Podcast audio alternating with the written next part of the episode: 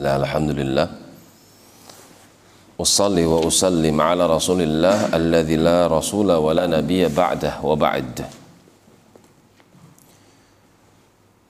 masih di dalam surah As-Saffat sampai pada firman Allah Subhanahu wa taala Inna zayyana as-sama ad-dunya Sesungguhnya aku telah menjadikan perhiasan bagi langit dunia bizinatinil kawakib dengan perhiasan berupa pernik-pernik cahaya al kawakib planet-planet bintang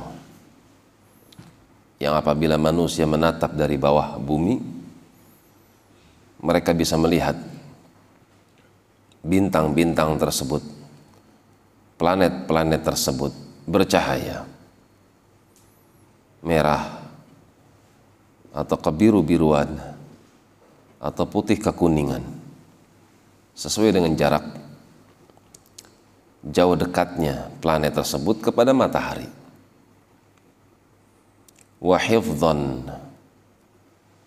selain hikmah diciptakannya bintang untuk perhiasan bagi langit dunia ketika malam dia pun sebagai hifdhan sebagai sesuatu yang menjaga alat untuk menjaga mingkul syaitanin marid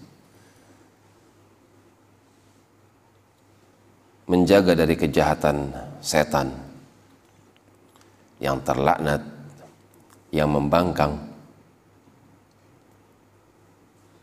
yang kerjaannya mencuri, mencuri berita yang diperbincangkan oleh mereka para malaikat. Jin mereka sanggup terbang sampai ke atas langit cara mereka terbang itu satu dengan yang lain saling bertumpuk. Tolong menolong untuk mencuri berita. Yang diperbincangkan oleh para malaikat di langit dunia.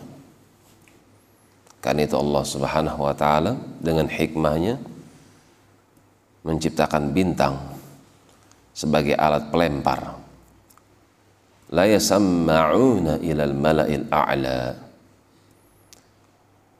agar mereka tidak mendengarkan perbincangan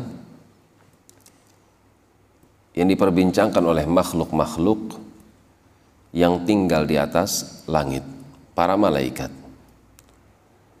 Wa yuqdhafuna min kulli. Di mana apabila salah satu di antara mereka berani mendekat, maka mereka akan dilemparkan dengan bintang-bintang tersebut dari segala macam penjuru arah sehingga mereka tidak bebas untuk mencuri berita-berita gaib yang kelak berita tersebut akan mereka salurkan kepada tuan-tuan mereka dari kalangan para dukun atau tukang sihir. Ini di antara hikmah diciptakan bintang sebagai perhiasan bagi bumi, sebagai alat pelempar dan yang ketiga adalah sebagai petunjuk arah bagi mereka orang yang tidak mengetahui arah. Demikian wallahu taala alam bisawab.